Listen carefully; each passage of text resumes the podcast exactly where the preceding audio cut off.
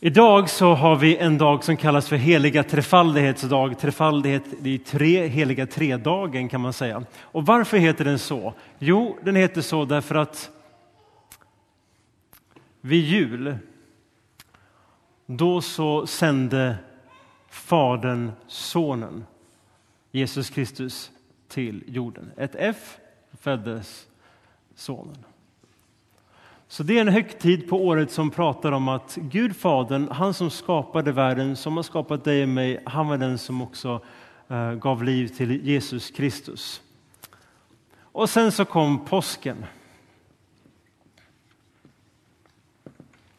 Och den handlar om att Jesus Kristus dog och uppstod. Så det är en högtid som handlar om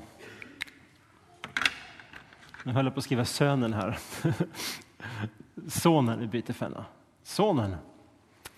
Och för några dagar sedan inträffade en annan händelse. Någon som kommer ihåg vad den hette? Tack för detta. Pingst. Och då var det en som frågade, spelar vi pingis då? Jajamän, så jag spelade en pingismatch särskilt den söndagen. Mm. Och den handlar ju om den helige anden. Den helige ande. Och när vi har firat de här tre stora, jul, påsk, pingst, en, en månad om Fadern, en månad eller sex veckor egentligen om Sonen och sen så då tio dagar om Anden, så har vi sen kommit fram till dagens söndag som heter heliga, för att Gud är helig, heliga trefaldighet, skriver jag T3 här, syftar inte på Terminator 3-filmen. Heliga Terminator, nej, heliga trefaldighetsdag. Men du vet, när Fader, Son och Ande kommer samman, vad händer då? De har funnits i all evighet. Men då skapade de människan med ett syfte om gemenskap med oss, var och en. Men berättelsen om syndafallet och så vidare gör att vi lever i många, många svårigheter och problem. Och därför så har det varit en tydlig fokus hela tiden om att nå mänskligheten. Och därför kallas också heliga trefaldighetsdag ett annat namn. Det heter nämligen missionsdagen. Okej? Okay? Därför att den här dagen så firar vi Guds mission, det vill säga Gud söker, längtar, kämpar eh, för en levande relation med varje människa. Och det deltar vi i. Ehm, den här kyrkan har man sällan någon som säger du måste, förutom att du måste omvända dig och du måste dö. Men utöver det finns inga måsten. Förutom att Jesus behövde dö så att du kunde få liv. Och Jesus Kristus är ute och söker. Och Den här texten som var här om Mose, pekar på skärmen, Mose, handlade om att Gud kallade honom. Varför då? Därför att judiska lisaliterna var i fångenskap. Och den berättelsen är som en direkt sen koppling till Jesus Kristus som kan man säga, gick genom öknen till oss människor som är fast under andra typer av slaveri. Och det måste man ändå säga, det är väl nästan någonting som är tydligare någonsin, kanske man inte kan säga, men tydligare, så tydligt det kan bli när en del säger att vi lever i beroendetidens tidsålder. Hur vi människor alltid, men absolut inte mindre nu, lockas in i alla typer av destruktiva beroenden. Och många är vi i den här kyrkan som har och bedriver en kamp emot beroenden av negativa slag. Och de goda nyheterna är att idag så firar vi att Jesus Kristus tittar inte bara ner på jorden vilket hade varit stort nog. Man hade fått en tanke ungefär som de går förbi en myrstack. Jaha, ja, ja, då, bra att de finns. Utan själv stiger ned, lär känna oss och vill hjälpa dig och mig till att ta emot hans förlåtelse och vandra i hans nåd. Att hans kärlek, beskydd, kraft i alla aspekter får vara din sköld och din hjälp genom allt vad du möter. Och det i sin tur gör att ditt sinne får en ljusare ton än den annars inte hade haft. Ett hopp för morgondagen som kanske annars inte hade haft. Och det är det som kyrkan firar idag.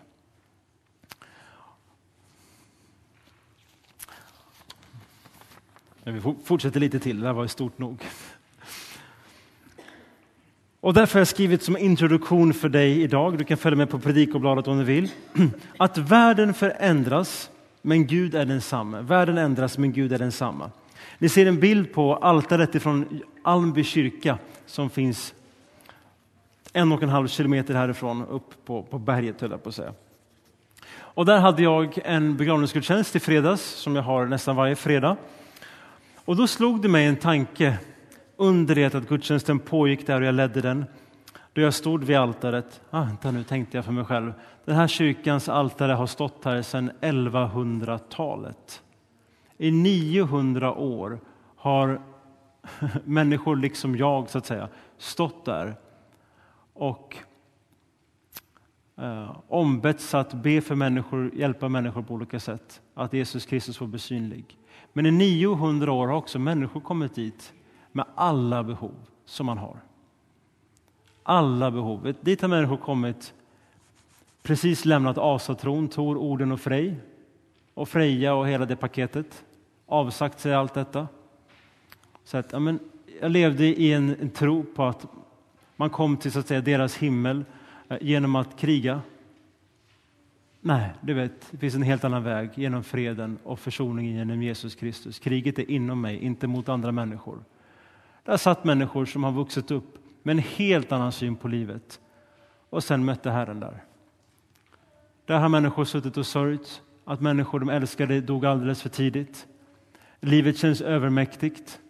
Där har människor döpt sig eller blivit döpta i alla möjliga åldrar, i alla möjliga tider. Människor har gift sig och de har firat gudstjänst och tagit emot Herrens nåd i, i sakramenten, dopet och, och nattvarden i princip varje söndag i 900 år. Det är stort. Men att världen har förändrats under alla dessa år. Men kyrkan är ett tecken på Gud egentligen. Och det är det att Gud ändras inte. Han är densamme. Han är densamme. Så kom ihåg detta. Nästan alla tankar du kommer tänka om Gud, det har någon annan redan tänkt. Vad innebär det? Du behöver inte bli modstulen, nedstämd, tänka men för ingen kommer tänka på det här. Nej, men du vet, nästan allting du funderar på har någon annan också tänkt på och funnit att Gud är trofast igenom det som just du grunnar på eller kämpar med. Och Det firar vi också idag. Gud är densamme. Han kommer alltid vara densamme. Ingen, vare sig du eller jag, kan ändra på Gud hur många böcker vi skulle skriva om det, hur många filmer eller dokumentärer eller vad vi nu skulle försöka hitta på. Ingen kan ändra den han är. Så det är mycket bättre att ändra inställning och tänka, jag vill lära känna han som har skapat mig till en evig varelse. Det är en mycket bättre utgångspunkt. Vi sjöng också en psalm som jag sjunger nästan varje vecka uppe i Almby kyrka, psalm 297, Härligar jorden. Det är en fin sommarpsalm, används också vid begravningar. Och där finns också texten Tidevarv komma, tidevarv försvinna, aldrig förstummas tonen från himlen. Det finns inget nytt under solen. Vi tror ofta det, vi jämför med vår egen, vår egen livslängd. Men människor i de här 900 åren i Almby kyrka, de har vandrat ifrån diktatur, från rädsla till frihet, till goda kungar, till dåliga kungar. Friheten att få tänka, friheten att inte få tänka, eller på att säga. Alltså gisslet att inte få göra det. Allt. Tidevarv kommer, tidevarv går. Och en del känner sig hotade idag och tänker, kommer demokratin försvinna i framtiden? Vad händer med världsfreden? Ja, du, jag vet inte, men jag vet en sak och det är det att Gud, han ändras aldrig. Kommer kyrkan det ut? Men absolut inte.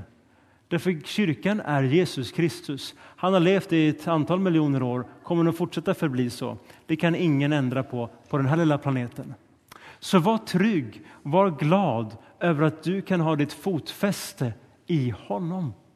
Du vet, du är inte skapad för att ha det i dig själv, du är skapad för att ha det i honom. Men om du klipper av roten som du satt vid så kommer du känna dig rotlös. Men det är inte Herren som har övergivit dig, utan sök dig tillbaka till honom då. Men det är svårare att leva på det här viset i en tid då väldigt många vill klippa av sina rötter och säga att det är det normala. Nej, det är inte det normala, det är det nya normala. Det evigt normala är att hos Gud finns min frid. Men varför händer ingenting? Varför hände? Du vet, det israelitiska folket, det tog flera hundra år innan Jesus räddade, Gud räddade dem ut ur slaveriet. Jag kan inte säga varför tog det så lång tid. Och vilken skillnad hade det för de barnen som växte upp i slaveriet där och levde i den tiden hos farao och dog i det? Vad medgav det för förändring? Jag är ledsen, den, där, där har jag inget svar på den frågan. Men uppenbarligen så var Gud trofast genom det trots allt. Det är så många av oss som bär världens bördor på våra axlar, även fast det inte är tänkt så. Utan du har en far i himlen. Och på samma sätt som mina barn kan bära bekymmer, ytterst sett så är det vi föräldrar som gör det.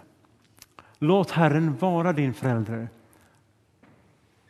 Låt han vara den som leder dig.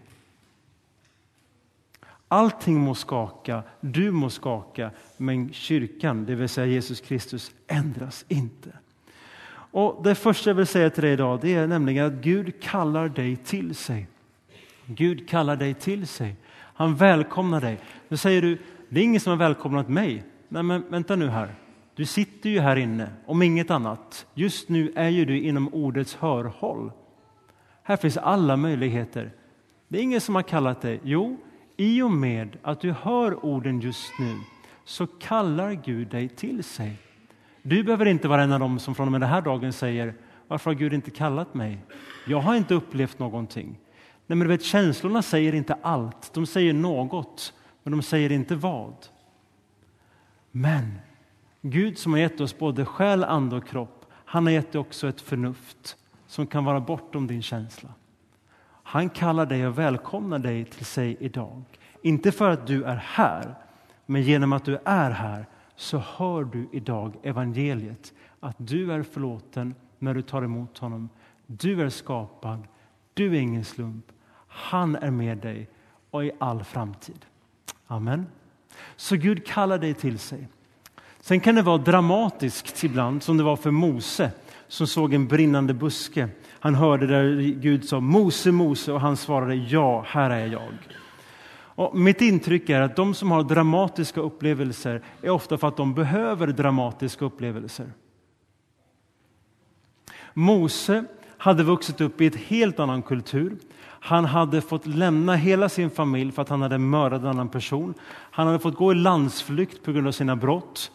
Han skulle nu kallas att leda ett folkslag på en miljon människor genom öknen.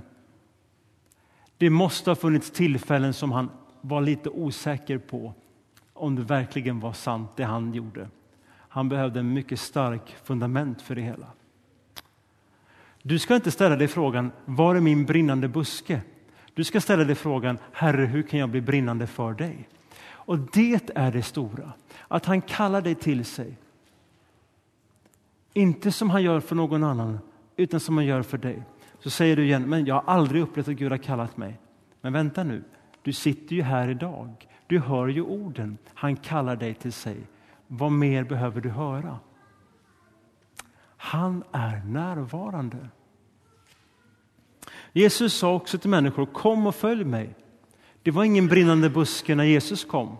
De satt under ett äppelträd och läste en bok. En satt i fiskarbåtar och höll på. Och Jesus sa, följ mig. Han hade ingen megafon, den fanns inte på den tiden. Det fanns inga elgitarrer, det fanns inga ljusshower, inga rökmaskiner. Han bara sa, följ mig. Det var inte dramatiskt. Och på samma sätt är det för dig idag. Jesus säger till dig, följ mig. Och det är goda, stillsamma, varma ord. Följ mig in i min kärlek, följ mig in i min nåd. Följ mig hem dit du söker. Följ mig dit jag är på väg. Men sen är det så att Gud kallar också dig till andra. För han sa till Moses sen, så gå nu, jag sänder dig till farao. Och det är här allting vänder. Innan vi blir kristna, då handlar det i princip allting om oss. Jesus letar och vill fånga vår uppmärksamhet, men sen när vi tagit emot honom, vi fyllts med hans frid och tryggheten hos honom, ja, men då handlar allting om honom. Det är helt naturligt så, därför vi inser, han är min källa till liv. Men ju mer man möter Guds kärlek, ju mindre kan man vara tyst om den. Det finns människor som man ibland berättar om. Kan du berätta om din make eller make eller pojkvän eller flickvän? Ja, det är ganska lätt för dem att prata om det. Och så kan du berätta om din tro på Gud. Då? Nej, jag vet inte, jag har inte gått någon kurs i det. Jag menar, då har vi komplex, då har vi allting svårt som ska vara enkelt. Du har din vandring med Herren och den berättar du om. Jag har min vandring med Herren och den berättar jag om. Och tack och lov är det inte samma berättelse, utan de är olika. Och här så säger Gud, jag sänder dig till farao. Och Mose går in i en lång harang, hur ska det gå till? Jag kan inte svara på alla frågor och så vidare. Nej, men det är okej okay ändå, jag är med dig. Och här ser ni en bild nu på en munk som blev biskop. Han ser ut som en sån här riktig, rälig, tråkig stenbiskop. Sitter på någon tavla någonstans. Nu ska ni få höra en av de mest gripande berättelserna som jag har hört talas om. På 1180-talet, ja, ungefär tio år tidigare än det, det är ingen som exakt vet, så finns det en man som heter Eskil som bor i England. Han är en enkel man. Han har valt att bli munk och lever i ett kloster där. Någonting händer så han fylls av en inre djup längtan att berätta om Jesus Kristus för människorna som aldrig hade hört dem. De som bodde i Svenas rike. Och han tillsammans med en bekant som vi vet ännu mindre om kom till Sverige genom en enkel båt. Man visste att det fanns en kung som hette Inge den äldre och han hade valt att bli kristen. Huruvida han blir det först när Eskil kommer eller efteråt, det vet vi inte. Men Eskil kommer och han får den häftiga titeln att han blir biskop över Nordanskog. Och de biskoparna gick inte omkring i flådiga bilar eller bodde i fina bostäder. Nej du, det var hårt arbete från morgon till kväll. Det var ju så på den tiden, den som blev utsedd till biskop blev i princip utsedd till att dö i förtid. För nästan alla biskopar i den tidiga kristnas historia och så vidare blev martyrer till följd av sin tro. Därför de blev själva symbolen över Jesus Kristus. Och det som människor blev så rädda och med all osäkerhet när de mötte kristna så märkte de att det här hotar hela vårt samhällssystem. Och biskoparna, det är därför de är klädda i lila och, och eh, röda skjortor som symboliserar martyrernas blod. Biskopen ska vara den som alltid är villig att bli så att säga, utsatt, trakasserad, förföljd, mobbad och avrättad först av de kristna. Det är det de egentligen tackar ja till.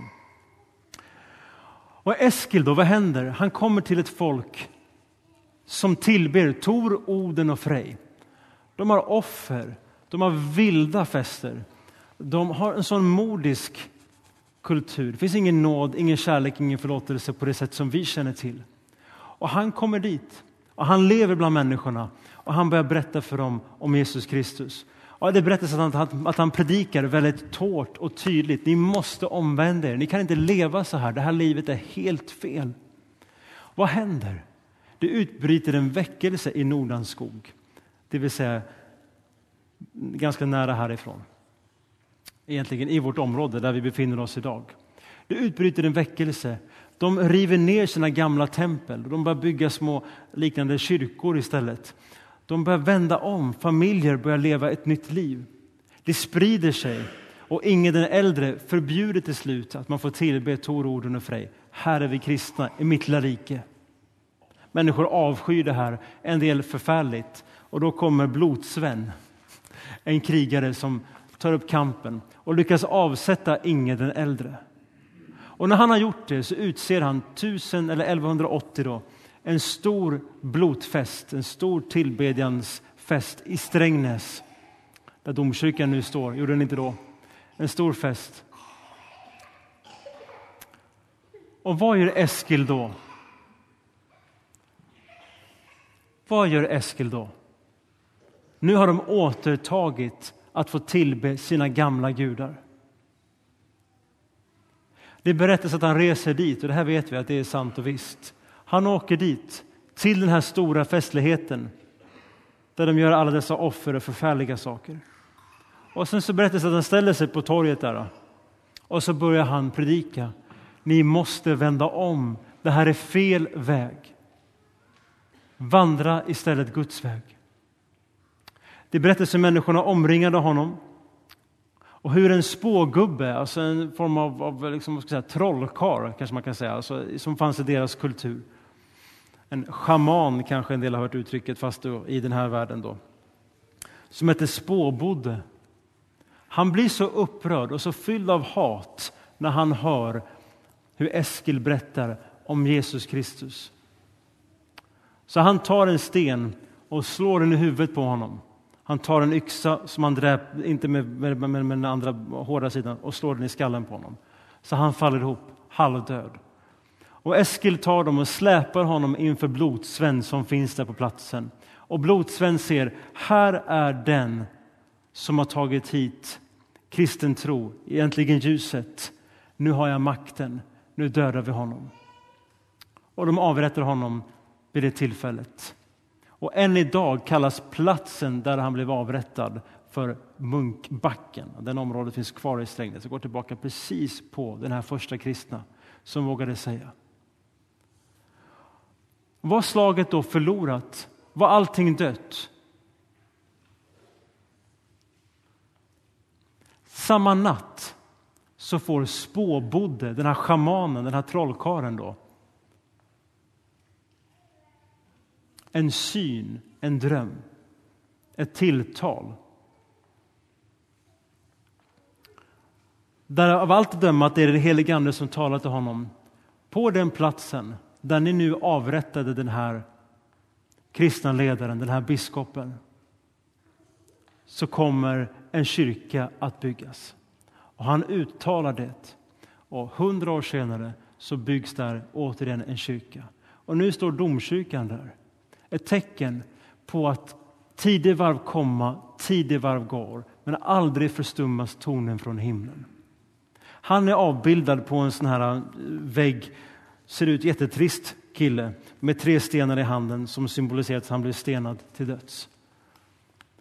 Men du vet, vad är det som får en person att lämna ett land, fly över, leva i elände, ser någonting gott bryta fram, mörkret kommer tillbaka och ändå stiger upp och säger den sanna och rätta vägen är denna och sen får plikten med sitt liv för det. Ja, det är inte de vackra ljusen som lyser. Det är inte de vackra processionerna eller de finstämmiga sångerna utan det är det levande mötet med den helige Ande som tänder en missionsiver som man vill göra det man annars inte hade velat göra.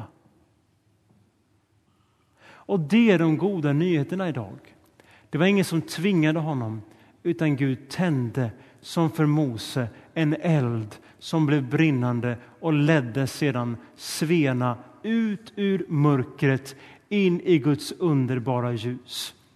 Nästan allting som människor tackar så att säga, humanismen för idag, eller så att säga socialismen, kommer i princip utifrån det kristna evangeliet som sedan blev lite avkristnat. Så när jag ser på det som är oroväckande tendenser i samhället idag eller i världen, då tänker jag tidevarv komma, tidevarv gå, men aldrig förstummas tonen från himlen. Jag är född på nytt. Han lever i mig. Hur vet jag det? Därför jag har valt att följa honom och hans nåd verkar i mig. Jag är inte kallad att vara orolig. Jag är kallad att få vara ett Guds barn. Jag är inte kallad att bära världen på mina axlar oavsett ålder. Jag är kallad att låta mig få bli buren. Och han är på väg någonstans och då följer jag med. Och jag kastas in i ett äventyr. Människor som säger kristen tro verkar tråkigt. De har inte mött Kristus. Kanske känner du kristen tro är tråkig. Du har inte mött den helige Andes kraft ännu. Men de goda nyheterna är att Jesus Kristus är uppstånden och söker ditt hjärta. Han söker dig också och han har kraft och förvar till dig. Amen. Och det är det vi firar idag. Att Gud har en mission, han har en väg, han har en framtid och ett hopp. Och det, det är det som jag lever i. Det är det som kyrkan håller på med. Och det är det som är de goda nyheterna. Han är med varje steg. Gud svarade, jag ska vara med dig, sa han till Mose. Och Jesus sa till alla lärjungar i efterled som Johannes läste, och se, jag är med er alla dagar in till tidens slut. Så när du om två timmar lämnar den här kyrkan efter sommarfesten, så gå sträckt. Inte för att du kanske inte orkar hålla dig uppe själv, om det kan vara så, utan därför att du är lyft av den helige Ande som har tänt ett ljus inom dig, eller kanske tänder det idag eller i morgondagen, och han är med dig. Du behöver aldrig gå bortom den eld som finns inom dig.